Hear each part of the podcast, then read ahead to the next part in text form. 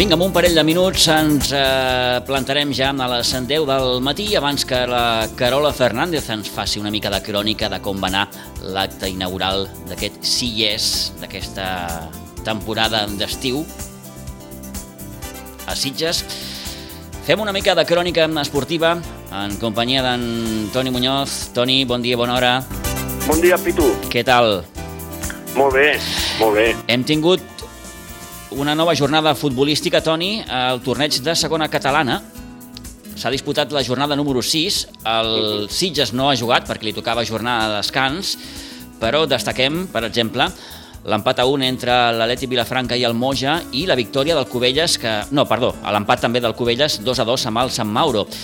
Això deixa, Toni, una classificació molt interessant i, Sí. molt, i molt oberta, eh? perquè l'Aleti Vilafranca segueix primer amb 8 punts, tenen 7 punts el Moja i el Sant Mauro, i el Sitges i el Cubelles en tenen 6. Sí, Per tant, si ens posem del costat dels Sitges, el Sitges encara té les seves opcions. sí, sí, sí. De fet, tots tenen opcions, perquè eh, tu deies l'empat del Cubelles, no, va guanyar el Cubelles en l'últim minut. Ah, sí, sí, va sí. guanyar 2 a 1 al Sant Mauro Sí, en senyor. l'últim minut. Sí, senyor. I, I això fa doncs, que tant el Cubelles com el Sitges tinguin 6 punts, que 7 punts té el Sant Mauro i el Moja, i que l'únic que té un punt més és la Fundació Atlètic Vilafranca, però compte que la Fundació Atlètic Vilafranca encara té que jugar amb el Cubelles, té que jugar amb el Sitges aquí, doncs, eh, que serà el proper rival del Sitges. Sí, senyor. Eh, queda, queda molt de campionat, eh, queda tota una segona volta, de fet queden tres jornades interessants en el que jo crec que qualsevol d'ells eh, pot ser campió. I jo veig el Sitges molt bé, igual que veig el Cubelles a casa. Eh? Eh, el, el, el problema del Sitges és que té que anar al camp del Cubelles i al camp del Sant Mauro i el Cubelles al seu camp doncs, eh, està eh, intratable igual que el Sitges, no? Ha guanyat els dos partits que ha jugat, igual que el Sitges ha fet aquí al municipal. Sí, deia el Manel Rodríguez l'altre dia, mm, després del partit aquí amb el, amb el Sant Mauro, que el problema és quan, quan, quan, quan l'equip no, no, no pot estar al complet. Sí, clar, aquest és un gran problema. El que passa que, eh, eh, Pitu, ara amb el, eh, el fet de comptar, de disposar de jugadors del B, el Sitges l'ha anat molt bé, perquè a més a més els jugadors que ha disposat del B eh, han complit molt bé, no?, eh, amb el primer equip.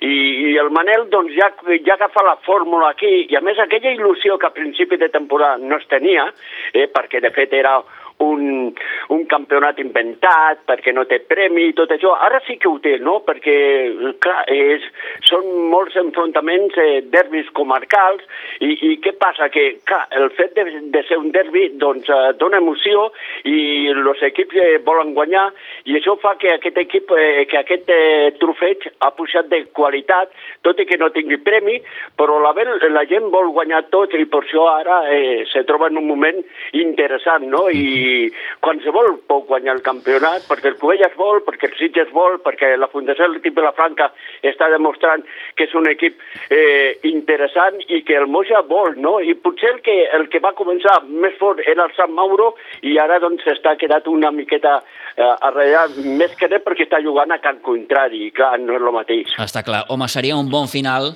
d'etapa per al Manel Rodríguez, sens dubte, Toni.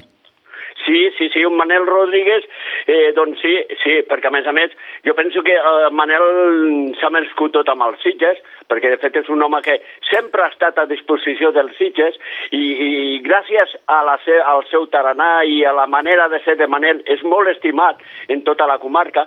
Un Manel Rodríguez que apunta molt a que sigui proper entrenador eh, del Moja, eh? doncs aquí es produeix una circumstància mm, eh, peculiar o curiosa, si més no, perquè podria haver intercanvi de banquetes, perquè, eh, Toni, aquests últims dies i setmanes ha sorgit un nom, el de Luri Sorroche, la encara entrenadora del Moja, com a futura tècnica de la Unió Esportiva Sitges.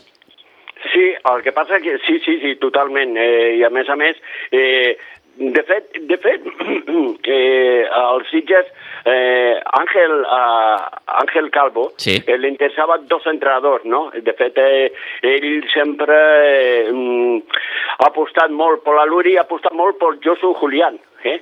Eh, el que passa que finalment doncs, s'ha inclinat eh, per la Luri, eh, per motius X, potser per el temps que tingui que, que ha tingut que esperar o lo, no sé, el que sigui, no? Uh -huh. La qüestió és que s'ha entrenat per la Luri i, i, i de fet l'altre dia doncs, la Luri ja ho feia pràcticament oficial, no? Uh -huh. de que serà propera entrenadora de la Unió Esportiva Sitges. No s'ha fet oficial encara per part de ningú, però en qualsevol uh -huh. cas eh, apuntem el nom de Luri Sorroche com a eh, futura ocupant de la banqueta del Municipal d'Aigua Dolça per dirigir els destins del primer equip de la Unió Esportiva Sitges després de la seva etapa al, al Moja, on, recordem, la temporada passada va poder aconseguir l'ascens a segona catalana. Eh, Toni, a tercera catalana sembla que hi ha dos equips, com el Montserrat Igualada i el Ribes, que es repartiran el pastís. Sí, sí, sí, sí, perquè, perdó, perquè un equip que, que també va molt fort és la Penya Jove, mm. uh, eh, però el que passa que la Penya Jove, doncs, uh, degut al partit aquell de Masquefa, en el que un jugador de, que ja havia estat substituït va tornar a entrar eh, eh, amb, amb el Mercè de, de l'àrbitre, li van demanar a veure si podia entrar perquè el, la Penya Jove es quedava en 10 jugadors degut que s'havia lesionat eh, un, eh, un jugador de camp i era, eh, va demanar a l'àrbitre de si podia sortir el que havia estat substituït. Eh, en tercera catalana, doncs, el reglament no ho diu així. Eh, l'àrbitre tampoc sabia bé el reglament i ara, degut a, tes, a tot això, doncs, eh, los despatxos li foten els tres punts a la penya jove mm. i se l'han donat al Masquefa, tot i que encara doncs, eh, han reclamat a la penya jove, però tot fa pensar de que han perdut aquests tres punts. Llàstima perquè està fent un bon campionat com el Ribas i com el Montserrat Igualada, un Montserrat Igualada que guanya tot el que juga, tan sol ha empatat un partit, ha estat amb la penya jove, mm. eh, i el Ribas que està molt fort. El que passa que la diferència és que el Montserrat Igualada té que venir aquí al municipal, eh, i la Penya Jove ja sap el que jugar amb els Sitges, i el Ribas també té que venir aquí al Municipal d'Aiguador, i aquí eh, el Sitges d'alguna manera pot ser el jutge del campionat, sí. perquè ja queda una mica despenjat. Sí, sí, sí, sí. Ara t'ho volia dir, Toni, fa un parell de setmanes el Dani Pujol ens deia lluitarem per la Lliga.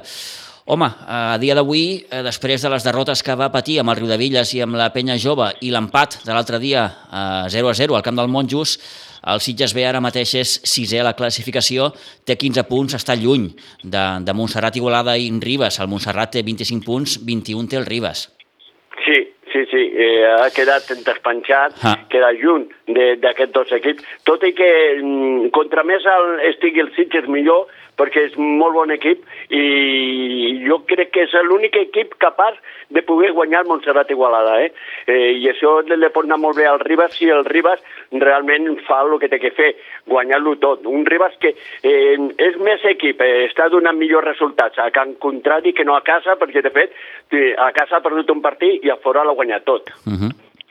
Bé, veurem com acaba tot plegat, però Montserrat, Igualada i Ribas a dia d'avui són els grans candidats a ser la temporada que ve a segona catalana. Veurem com, com, com acaba tot plegat i veurem si, com diu el Toni, el Sitges B eh, acaba adquirint aquest paper de, de, de, de jutge, perquè encara s'ha d'enfrontar a tots aquests equips aquí al municipal d'Aigua Dols. Eh, 10 i 7 minuts del matí. Toni, moltes gràcies, que vagi molt bé. Molt bé, Pitu. Gràcies, bon dia, adeu-siau. Bon dia, bon dia.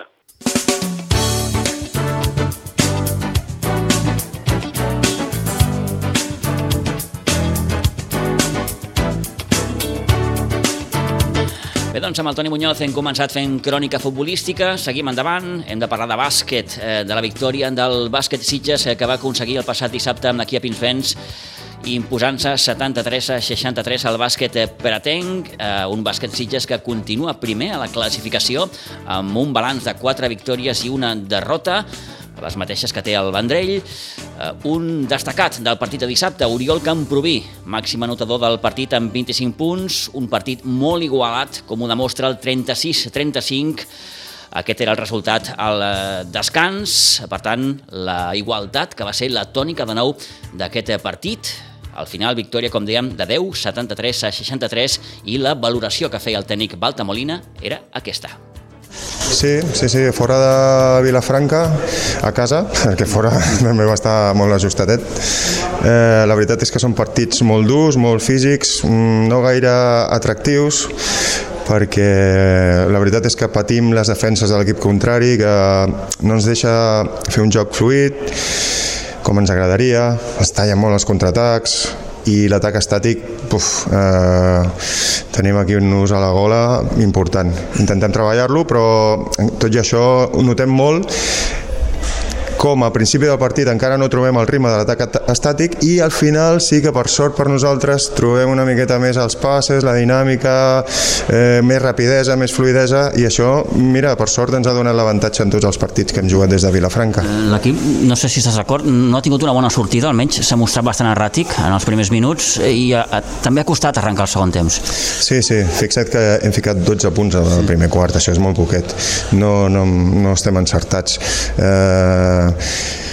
com et deia, mm, jo crec que bàsicament és que eh, no acabem de moure la pilota a l'estàtic amb, amb fluidesa, amb rapidesa. Triguem massa a prendre la decisió de treure's la pilota de sobre.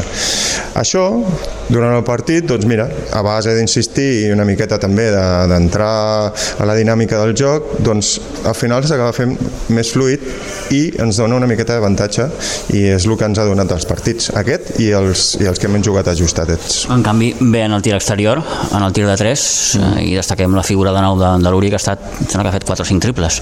Qual, avui l'Uri ha estat espectacular. Si veiessis els percentatges d'encert, és espectacular. No ha fallat de dos, ha fallat un tir lliure i, si no recordo malament, 5 de 8 en triples. Mm, partides, partides. Mm.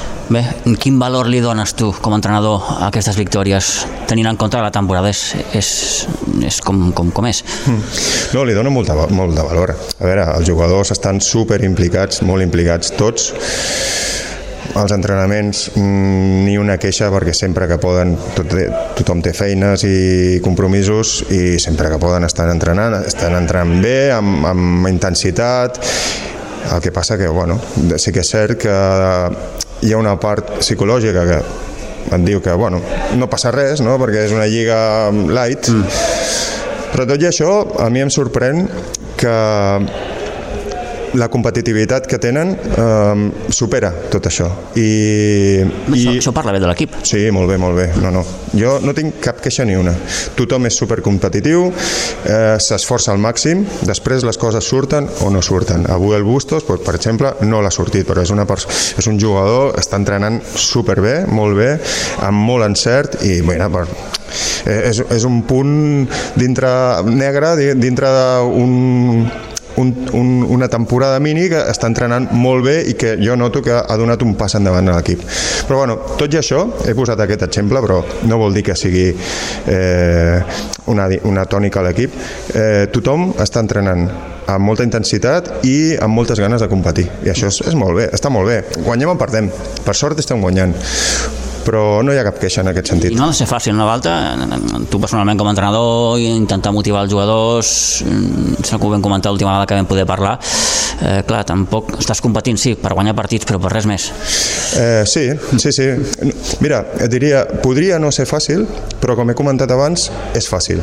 Eh, ells ja ho porten dintre, als entrenaments estem competint molt també, integrem dinàmiques de competició en tots els exercicis, fem molts de partits amb una miqueta de pique i això fa que, bueno, sí que és cert que és una temporada una miqueta light, però ells mateixos ja, mm, com ho porten dintre i volen guanyar, sí com sigui, els entrenaments hauries de veure'ls. eh, doncs també ho passen bé i, i gaudeixen d'una victòria com si fos una lliga i com si anessin primers per pujar l'any que ve.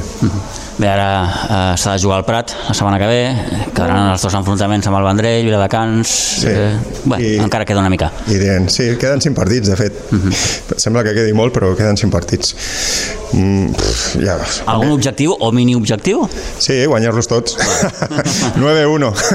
Aquest és l'objectiu, sí. Eh, i, I treballarem els entrenaments per aconseguir-ho i estarem contents encara que no suposi res, però a veure, dintre del nostre esperit esportiu està guanyar-ho tot i jugar bé, clar.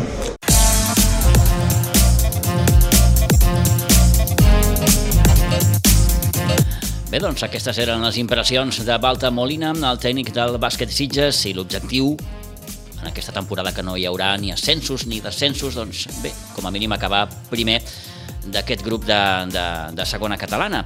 Eh, de la jornada de bàsquet destacar també la derrota que va patir l'equip femení, va perdre 60-45 a la pista del Castell de Fels i posem aquí també una mica d'en rugby perquè el primer equip del Rugby Club Sitges afronta la setmana de preparació de cara ja a la disputa de la semifinal que jugarà davant el Club Esportiu Universitari aquest dissabte 8 de maig. Serà a partir de dos quarts de set de la tarda amb el camp de la Unió Esportiva Sant Boiana al Valdiri Aleu. Eh, una jornada que ens ha dut la victòria de l'equip femení, 14 a 50, es van imposar les noies del femení al camp de l'Espartans de Granollers.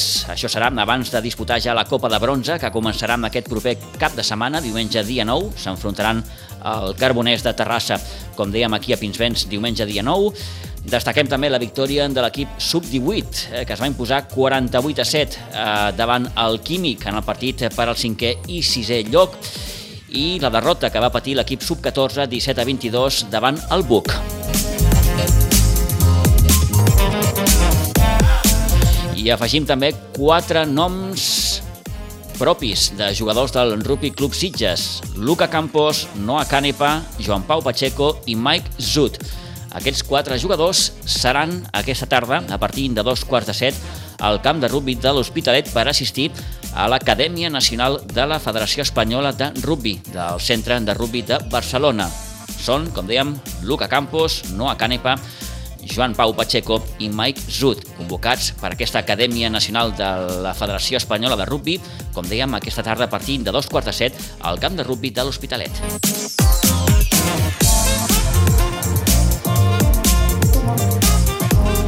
Un quart d'onze del matí, acabem els esports eh, parlant d'hoquei patins perquè ha finalitzat la primera fase de la Lliga, tant a primera com a segona catalana. Eh, finalment, el primer equip del Club Patí Subursitge s'ha quedat segon del seu grup de primera catalana i jugarà una segona lligueta d'ascens contra els quatre primers classificats del grup 2B, que són el Malgrat, el Ripollet, l'Arenys de Munt i el Setmanat. De moment, de moment, no se sap ni quan començarà, ni com es jugarà, ni quan acabarà. Això ho ha d'acabar d'apuntalar la Federació Catalana de Patinatge, però a punt ja de començar amb aquesta segona fase de la Lligueta d'Ascens Nacional Catalana. I un resultat, la victòria de l'Aleví, que es va imposar 4-7 a la pista del Congrés, 10 i 16.